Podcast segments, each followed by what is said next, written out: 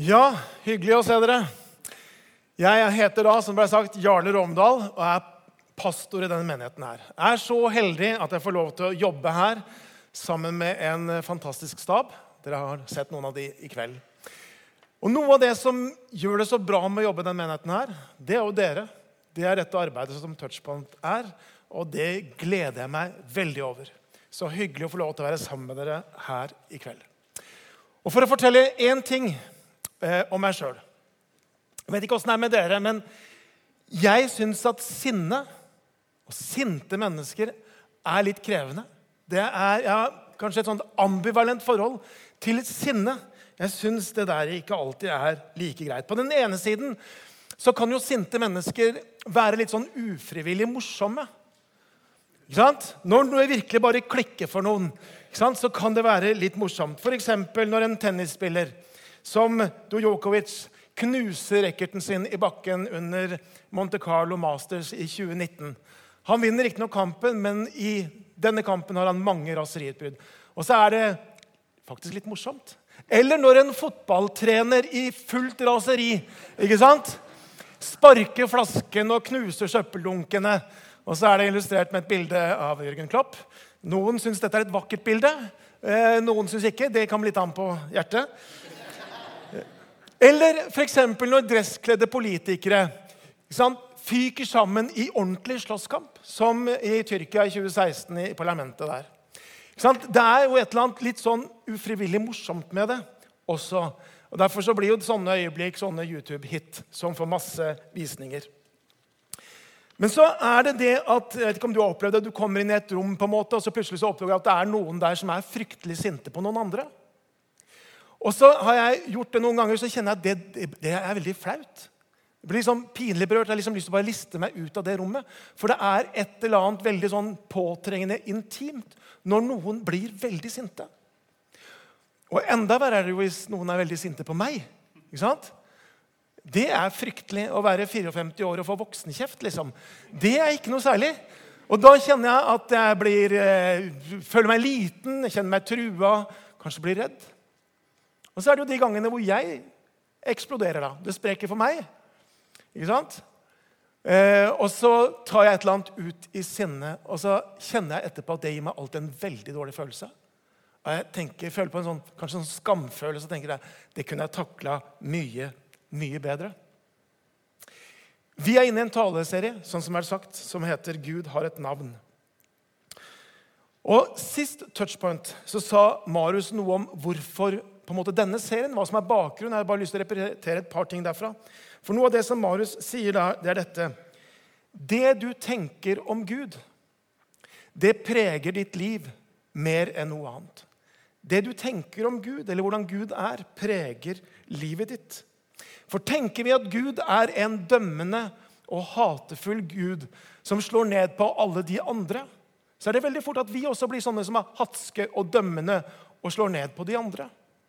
Hvis vi derimot tenker at Gud er en sånn snillistisk selvhjelpsguru som liksom har tommel opp til alt jeg velger og alt jeg foretar meg, så er det veldig fort at jeg blir en sånn person som setter mine behov og mine ønsker framfor andres.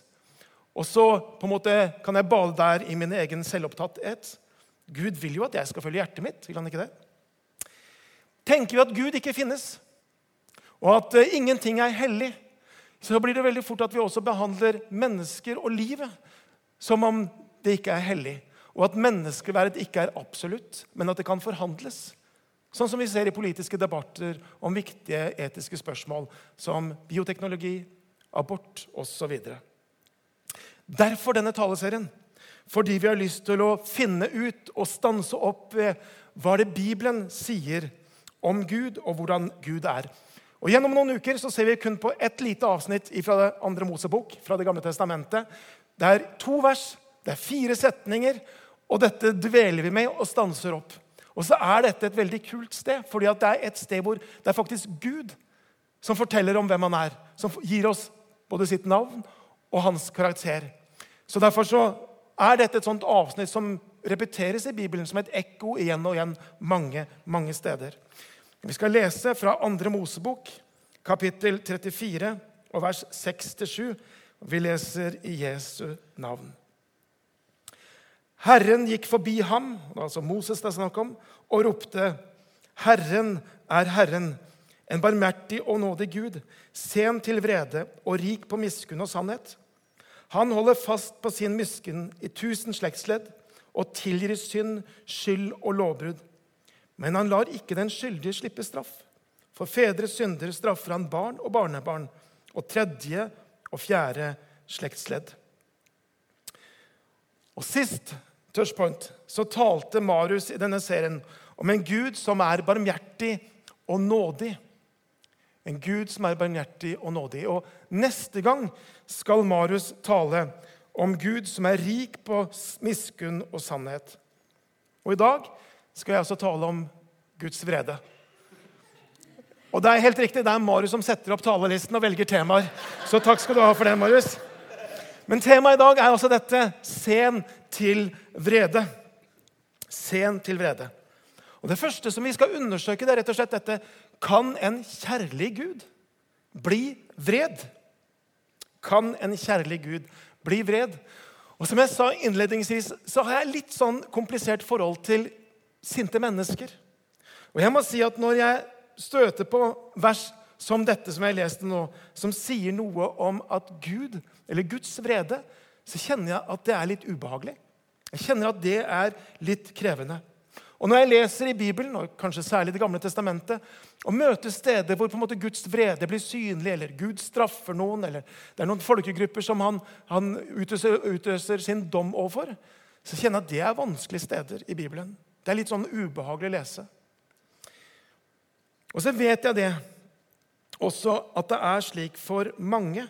Når vi av og til har sånt opplegg, skyt på pastoren, eller still hvilke spørsmål du vil til pastoren, og det er en del ungdommer i salen, så kommer alltid disse spørsmålene opp.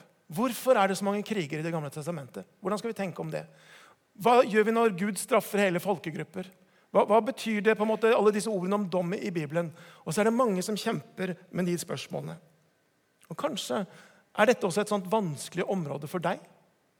Kanskje er det der du kjenner at din tro utfordres. Eller Kanskje er det på en måte der du får noen sånne vanskelige spørsmål fra dine venner. Eller kanskje er det dette et sånt område som gjør at du ikke klarer å tro og ikke får det til. Tanken om at Gud kan være vred, tenker jeg den er sikkert til alle tider utfordra. Jeg vil tro det. Og alle mennesker. Men i dagens moderne og sekulære samfunn så møter et sånn type bilde av en Gud som også kan være vred, sterk motstand. Du kan bare gå inn på noen sånne religionskritiske forum eller sånne kristendomskritiske nettsider, så ser du at dette som har med Guds straff og vrede å gjøre, er et favorittema. Opp og ned i mente. For det sekulære samfunn vil jo ikke forholde seg så veldig mye til Gud. Men hvis de skal forholde seg til Gud, så vil de i hvert fall ikke vite av en sånn Gud som også kan bli sint. Det er på en måte noe som det moderne mennesket på sett og vis har vokst fra, forkastet for lenge siden. Det er jo tross alt 2021, er det ikke det? Vi har utviklet oss. Og Noen sier bildet av en streng gud eller en straffende gud er jo rett ut skadelig. Mens andre sier ja, sånn er i hvert fall ikke min gud. Men la meg stille deg et spørsmål. Og Det spørsmålet er sånn Er sinne alltid galt? Er det alltid galt å bli sint? Det er jo ikke det. Altså Noen ganger så er jo faktisk sinne, uansett hvor ubehagelig jeg måtte føle på det, den helt rette responsen på en trussel eller på urettferdighet. Jeg skal ikke starte noen diskusjon om klima her. og hvordan den klimatrusselen er. Men hvis det er sånn, hvis klimatrusselen er sånn som bl.a. Greta Thunberg hevder, så er jo hennes harmdirrende 'How dare you?'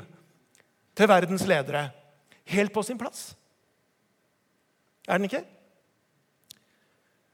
Irriterende? Ja. Provoserende? Ja. Alt det derre. Men den er jo helt på sin plass. How dare you? Hvordan kan dere ta på en måte fra oss unge verden? Johannes Krysosnos han var en gammel kirkefader fra 400-tallet. og Han sier noe interessant. Han sier det sånn. Han sier sinne uten grunn fører til synd. Men den som ikke er sint mens han har grunn, synder. Er ikke det ganske bra sagt? Sinne uten grunn, det er synd. Men å ikke bli sint når vi har all verdens grunn til det, sier han, er også sint. Når det moderne mennesket vil ha en kjærlig Gud, men ikke en Gud som blir vred, er vel det egentlig en umulighet? Er det ikke det, hvis vi tenker oss om? En Gud som ikke blir sint, kan knapt være kjærlig. For om du elsker noe eller noen, og det du elsker, blir trua eller blir satt under press, ja, da skapes det en type rettferdig harme. Når en mamma blir sint på sin fireåring som løper ut i veien. Når en pappa blir sint på sin 13-årige datter som ikke kommer inn om natta.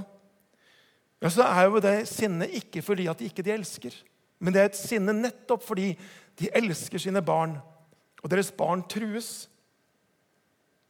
Hvis man ikke blir berørt av at ens egne barn står under fare, ja, så tenker jeg så er det kanskje ikke så mye kjærlighet eller omsorg i det. Becky, Pippers sier det sånn i boken 'Hope Has Its Reasons'. Tenk på hvordan vi føler det når vi ser noen som vi elsker, bli ødelagt av ukloke handlinger eller usunne forhold. Så svarer vi da med godartet toleranse, som vi gjør mot folk vi ikke kjenner? Langt fra. Sinne er ikke det motsatte av kjærlighet. Hat er. Og den rendyrkede form for hat er likegyldighet. Og så avslutter hun følgende.: Hvis jeg, en feilaktig, narsissistisk, syndig kvinne, kan føle så mye smerte og sinne over noens tilstand, hvor mye mer en moralsk perfekt Gud som skapte dem? Guds vrede er ikke en sprø eksplosjon, mens hans faste motstand mot syndens krefter som tærer på innesiden av den menneskelige rase, som han elsker med hele sitt vesen. Ekte kjærlighet vil noen ganger bli sint. Moderne toleranse er ganske langt unna ekte kjærlighet. Det ligner mer på likegyldighet. Moderne mennesker sitt gudsbilde er, opplever jeg og tenker jeg, på mange måter litt sånn schizofrent. For på den ene siden så avvises ofte bilder av Gud som en Gud som kan bli vred, som kan bli sint. Og Samtidig så er det jo sånn at når vi ser eller leser om barn som selges til sexovergripere av sine foreldre. Når vi leser om grådige selskaper som utnytter fattige, når vi leser om drap, om terror, om overgrep, ja, så opprører det oss. Og det skal det. Og så stiller vi noen ganger akkurat de der spørsmålene. Hvor er Gud når alt det der skjer?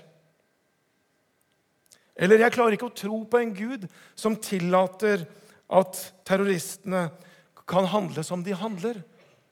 Hva er det vi etterspør da, egentlig? Ja, Ikke en snillistisk gud, men vi etterspør jo nettopp en gud som på en måte lar sitt vrede opptennes, og som dømmer. På den ene siden så ønsker moderne mennesker en sånn tommel opp-gud. Og på den andre siden så lengter de og trenger en gud som dømmer rettferdig, og som også straffer urett. Vi snakker her også om Gud som er sen til vrede. Det betyr at den samme Gud som er barmhjertig og nådig på den ene siden og rik på miskudd på den andre siden, og midt inni der så er det altså dette en Gud som kan bli rasende når noe truer med å ødelegge det Gud elsker. Natur, miljø, det han har skapt, men ikke minst mennesket som han har skapt i sitt bilde.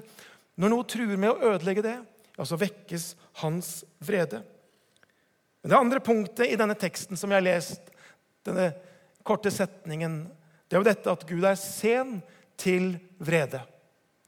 Det ene er jo at Gud kan bli vred. Det andre er at han er sen til vrede. Hva betyr det? Jo, det betyr at Gud har et vrede som ikke er lett antennelig. Um, han er ikke bråsint. Du kan få han sint, men du må liksom virkelig jobbe for det. Skjønner du? Han er ikke en sånn fyr med et sinneproblem. Han er ikke en som eksploderer i sinne ut av det blå. Gud er sen til vrede. Det gamle testamentet som vi leste fra i dag, det er jo skrevet på hebraisk. På gammelhebraisk. Det er ikke alle uttrykk der som er like lett å oversette. Det er veldig sånn billedlig språk. Og her, som betyr, eller sånn Det hebraiske ordet her, erek apaim, det uttrykket, det ordet, det betyr direkte oversatt så betyr det lange nesebor faktisk. Skal du forstå det, hva som synes det var bra, ja. Skal du forstå det, så må du forstå at på en måte uttrykket for å være sint på hebraisk det betyr at du har en varm nese eller en heit nese. Så kan du jo tenke deg at Hvis du ser en som virkelig tenner, så ja, du kan kanskje se det for deg. på en måte. Det blir liksom litt rødt eh, foran der. Men, og det da å ikke på en måte være lett antennelig da, da på en måte har du en lang nese eller lange nesebor, så det tar lang tid før den blir varm og heit. Jeg bare tenker sånn, Hva skjer når vi blir ordentlig fyra? Pulsen stiger, pusten går. ikke sant? Hvis vi skal på en måte prøve å kontrollere det, hva gjør vi da? Vi puster inn, vi teller til ti. Og så puster vi ut rolig gjennom nesa. Vi får lange nesebor. Skjønner du? Og Det er det det handler om. Gud kan bli vred, men du må jobbe for det. Og han er sen til vrede. Vet ikke om du har sett filmen om Lincoln fra 2012. Det er jo veldig lenge siden, men jeg så den faktisk for første gang i forrige uke. Eh, det er en veldig interessant film. Eh, anbefales gjerne. Jeg syns den tålte tidens tann ganske bra. Men det er en scene i denne filmen som jeg tror er veldig illustrativ i forhold til akkurat det der med sen til vrede. Og det foregår, Lincoln det han jobber for, er å få gjennomført dette 13. tillegg til grunnloven i USA, hvor de skal forby slaveriet. Så Det er det han på en måte jobber med gjennom hele denne filmen. Og så er det litt mot slutten der, så er det på en måte at denne loven skal inn i Kongressen og skulle bli liksom godkjent endelig. Og så sitter han på et rom i Det hvite hus sammen med regjeringen sin, med noen, noen av de teamet sitt. Og så har ikke de andre så tro på at det skal gå gjennom. Så de liksom mener at han skal droppe hele greia. Og så hører du hvordan på en måte diskusjon går i dette rommet. Så ser du Lincoln han bare sitter helt rolig på enden av bordet. Helt rolig. Og Så diskuterer de enda mer og enda høyere. Og til slutt så reiser han seg opp og så slenger han bordet, eller knyttneven i bordet. Og så sier han, 'Jeg kan ikke høre på det mer'. sier han. Nå kan jeg ikke høre på det mer. Og Så forteller han på en måte hvorfor det er så viktig å få gjennomført denne loven, sånn at slaveriet kan opphøre og bli forbudt. Og så ser du I det rommet så blir det bare helt blikk stille. Alle bare. Fordi at det var noe han aldri gjorde. Han ble aldri sinna. Det var helt utenfor hans karakter å på en måte tenne på denne måten der. Men når han gjorde det den ene gangen, ja, så lytta de virkelig. Og Det førte jo til at eh, loven mot slaveri ble innført i USA eh, 6.12.1865. Og jeg tenker Det er et ganske godt bilde på det som vi snakker om her. Sen til vrede. Lincolns på en måte sinne det var for det første ut av hans karakter, det var én ting, men det var kontrollert, det var bevisst. Det var på en måte for å få gjennomført det han ville. Og Sånn er også Gud. Gud kan bli sint. Men når det er det, så er det ikke en sånn eksplosjon, en eller annen fyr med et sinneproblem. Men det er kontrollert, og det er bevisst, og han handler. Og så er det ut av på en måte Guds karakter. For Bibelen sier at Gud er kjærlighet, står det. I 1. Johannes 4, 16. Gud er kjærlighet. Det er Guds karakter det er hvem han er. Alt Gud gjør, alt han sier, alle hans motiver, det handler om at han er kjærlighet, og han gjør det i kjærlighet og ut fra kjærlighet. Men ikke noe sted så står det noe om at Gud er vrede. Så skjønner du? Kjærlighet er Guds karakter. Vrede er ikke Guds karakter, men det er det Gud blir når det han elsker, trues. Og Så står det da at han er sent til vrede. Det skal mye til for han når det punktet hvor han sier nå er det nok. På sist touchpoint så snakket også Marius om hvordan profeten Jonah fikk beskjed om å gå til Ninive. Eh, hovedstaden i det asyriske riket, som var en ordentlig sånn terrorhovedstad. Eh, ganske groteske skildringer av hva som skjedde der. Du leste ikke de Marius, sist gang. Det var ja, det passa ikke her. Jeg skal heller ikke lese de. Det er ganske groteske skildringer hva som skjedde der. Den ondskapen som var der. Jonah han får lov til å gå med et budskap om nåde. Skjerp dere, ellers så kommer Guds dom over dere. Og så omvender de seg. De skjerper seg. Og så blir Jonah ganske sur, fordi han hadde egentlig lyst at Gud skulle slå de ned. Um, og sånn er det med Guds nåde. Den er noen ganger irriterende, noen ganger provoserende. Problemet med Ninive det var at det, ja, det holdt ikke så veldig lenge. Så du går 150 år fram i tid, og så på en måte sier Gud til en ny profet, Nahum Og så må Nahum gå med et nytt budskap, og da, da sier han følgende.: Herren er sen til vrede. Hans makt er stor. Han unnlater ikke å straffe. Og 150 år etter Jonas så kommer Nahum med en nytt doms på en måte, beskjed fra Gud. Og da kommer også dommen. Så i år 612 før Kristus så legges Ninive i ruiner. Eh, ikke av Guds inngripen, sånn, men det er den babylonske hæren som invaderer dem. På en måte et nytt terrorregime som nedkjemper Ninive. Og Den byen den ligger som ruin i dag i dag. Det er aldri blitt bygd opp igjen. Hva var det som skjedde? Jo, Gud kom med sin straff. Men ikke sant? se på Ninive. De fikk i hvert fall Jonas sin sjanse. Så fikk de Naum sin sjanse, og så kom dommen, og så var det i hvert fall 150 år mellom disse tingene. Ikke sant? Igjen og igjen og igjen så prøver Gud å nå Ninive med sitt budskap. Og Så bringer dette oss over egentlig det siste punktet jeg har i dag. og det er dette. Hvordan kommer Guds vrede til uttrykk? Altså, hvordan, hvordan ser det ut når Gud straffer og Guds vrede blir synlig? Og Det første vi skal undersøke, det er liksom hvordan det skjer. Og Da ser vi at i Bibelen kan Guds straff på en måte ha to sånne brennpunkter. Det kan være aktivt eller passivt. Og Det ene, liksom når Guds aktivt straffer, det er for sånn når vi ser over Sodoma og Gomorra, hvor Gud kommer med en dom, og så regner det ild og svovel over de byene. Og så er de utsletta. Det er det vi vil kunne kalle Guds aktive straff. Og Det ser vi noen få ganger i Bibelen, men ikke mange. Det som vi ser mye oftere, det er på en måte det vi kunne kalt Guds passive straff. Hva er det? Jo, det er på en måte at Gud liksom trekker seg tilbake og så sier han, ja, dere får høste av det dere sår. På en måte, Det var kanskje det som skjedde med Ninive. da. Ikke sant? På en måte så var det et terrorvelde. Og Gud sier ja, da får dere på en måte høste av den terroren dere har sådd. Og så kommer Babylon og utsletter dem. Det er Guds passive straff. Og I Romerbrevet kapittel 1 så står det noen uttrykk som er ganske interessante som står flere steder. Det står sånn at Gud overgav dem til urenhet. Og videre Gud overgav dem til skammelig lidenskap. Gud overga dem egentlig til det livet som de levde, og så måtte de selv ta konsekvensen av det.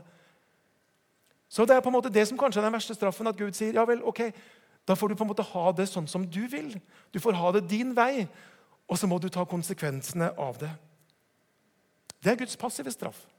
Og så ødelegger Babylon Ninive. Og så er det skandalen som river kjendispastoren ned fra pidestallen.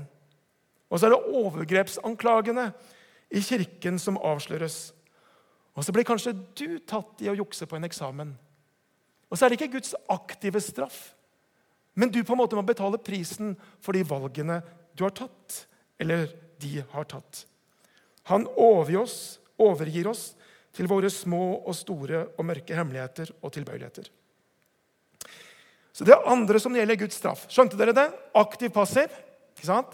Det andre vi skal se på, det er på en måte når er det Gud straffer. Og Der er det også på en måte to sånne brennpunkter. For det kan være i nåtid eller i historien, og det kan være i framtid, en gang der framme. Når det gjaldt Ninive, som jeg litt om, så var jo det i nåtid for de som bodde der. Nå er det i vår historie. Og Slik ser vi noen ganger at Gud straffer på en måte i tiden. Og de møter, om det er mennesker, enkeltmennesker eller om det er folkegrupper, som møter Guds straff. Og det skjer av og til. Men det som egentlig stort sett det handler om i Bibelen, det er på en måte Guds straff som det framtidige. At en gang der framme så skal vi møte Guds dom og Guds straff. Det skal være en rettferdighetens dag. Bibelen snakker ofte om det som Herrens dag. En dag hvor alle som har gjort urett, må svare for det. Hvor diktatorer, terrorister, mennesker som har spredt ondskap og hat mens de levde her nede, på en måte stilles opp. Og så må de svare for det de har gjort. En dag hvor rettferdighet og sannhet skal seire.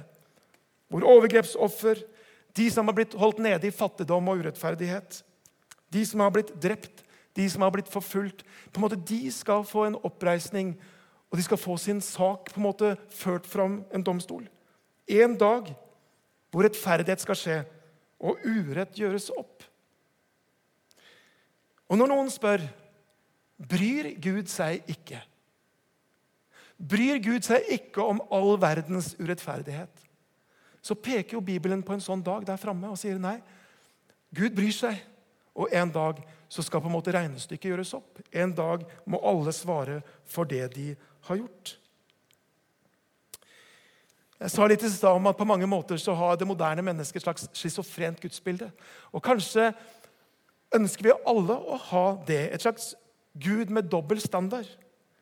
At når det gjelder meg, for mitt liv, så vil vi gjerne ha en Gud som gir oss tillatelse til å leve sånn som vi vil, som er enig med oss i våre standpunkt. En Gud uten pekefinger, en Gud uten absolutter. Bekreftende og bejaende Gud, en moderne Gud, et tolerant Gud. Det er på en måte sånn vi kanskje tenker at vi gjerne skulle hatt Gud. Og så tenker vi samtidig men når det gjelder de andre, hva da? Ja, Da vil vi kanskje ha en Gud som griper inn, og som viser til rette, og som viser hva som er galt og rett. Mange vil ha en Gud med en dobbel standard. Problemet med det det er jo at skillet mellom godt og ondt ikke går mellom oss og dem. Gjør det vel det? Skillet mellom godt og ondt går ikke mellom oss og dem. Den russiske forfatteren Aleksandr Solzjenitsyn, som tilbrakte mange år i konsentrasjonsleir, skriver i en av sine bøker følgende.: Gradvis gikk det opp for meg at linjen som skiller godt og ondt, ikke går mellom stater, mellom klasser, ei heller mellom politiske partier, men rett gjennom hvert eneste menneskehjerte. Men rett gjennom hvert eneste menneskehjerte. Og så tenker jeg at også jeg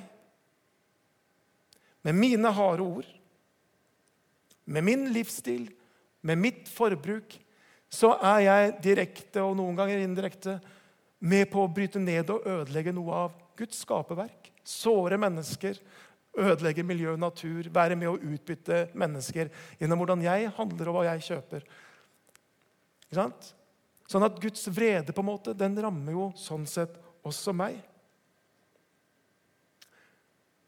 Og når vi erkjenner det, når vi på en måte oppdager det, så er det jo at Bibelen møter oss med disse fantastiske, gode nyhetene. At Gud har sendt Jesus som redningsmann.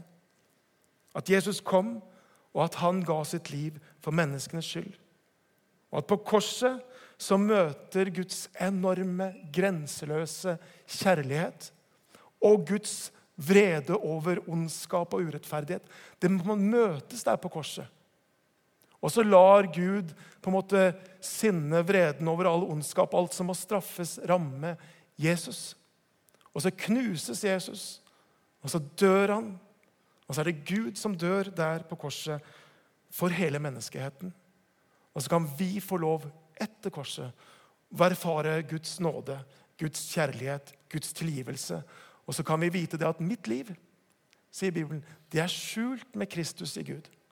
Jeg kan få lov til å på en måte være dekket av Kristus og Guds sinne over urettferdighet, som jo også handler om min synd. Ja, det rammer Kristus, og så rammer det ikke meg. Derfor sier vår bibel slik For så høyt har Gud elsket verden at han ga sin sønn den enbårne, for at hver den som tror på ham, ikke skal gå fortapt, men ha evig liv. Gud sendte ikke sin sønn til verden for å dømme verden, men for at verden skulle bli frelst ved ham. Og jeg tenker at Det er et sånn fantastisk budskap. Det er jo det som evangeliet er, de gode nyhetene. Hva Jesus har gjort for oss. Og så kan vi, når vi kjenner det at jo, Jeg erkjenner faktisk at jeg lever ikke opp til noen som helst standard. og Skillet mellom godt og ondt det går faktisk mellom mitt hjerte også. Og Så kan vi få lov til å komme til Han, og så kan vi få lov til å søke Hans nåde og Hans frelse, sånn at våre liv kan bli skjult i Gud. Og så har jeg et inderlig ønske om at alle dere som er her, at dere faktisk kan gjøre det. Og du som på en måte tror, og som har tatt imot Jesus, jeg tenker, få tak i den gleden, den begeistringen som faktisk finner i disse gladnyhetene. Hva Jesus har gjort for deg. Om du ikke tror, om du ikke på en måte har tatt det steget, så har jeg bare lyst til å oppmuntre deg til det. Det er ikke vanskelig. Det er bare å si jeg kjenner det jeg har gjort, og så kan jeg få lov til å ta imot deg. Skal vi be? Vi eh, Kan vi ikke reise oss opp? Og så står vi innenfor Herren. Og så har jeg bare lyst til å si at du som kjenner på den gleden det er faktisk at Jesus har gitt livet for deg. Og som sagt, hvis du ikke har tatt et sånt valg, så kan du gjøre det akkurat nå. Jeg har bare lyst til at du skal i ditt indre si til Jesus jeg har lyst til å være hos deg. Jeg vil tro på deg. Vi ber. Himmelske Far, jeg takker deg for din uendelige kjærlighet. Og takk, Herre, for at eh, denne kjærligheten handler også om en opptenning av et vrede som er der når noe ødelegger det du elsker, Herre. Og så takker jeg deg for at uh, om jeg kan kjenne meg truffet av at jeg ikke strekker til eller ikke får det til, eller at jeg ramler sammen på ulike av disse punktene, så, så takker jeg deg for at jeg kan få lov til å bare klynge meg til Jesus og skjule mitt liv hos Han som har gitt alt på korset. Og så har jeg lyst til å be for hver eneste en som er her nå. Jeg ber deg for de som tror på deg, at de kan få kjenne denne gleden over å være din. Og så har jeg også lyst til å be om det er noen her som, som ikke har tatt det standpunktet. Herre. Tatt det valget, så ber jeg Herre om at de skal få lov til å gjøre det akkurat nå. At de kan få lov til å si ja til deg, Herre. I ditt navn. Amen. Og Så er det lovsang, men jeg tror vi åpner også bønnerommet der nede. Marius. Sånn at hvis noen av dere har lyst til å kjenne at det er godt å blitt bedt for, så er det mulig der nede. Så kan dere gå dit. Og Særlig hvis det er noen av dere som vet at jeg tok faktisk en sånn standpunkt i dag, så har jeg lyst til å oppmuntre deg til å gå inn, del det med Marius eller noen av de andre som er på bønnerommet.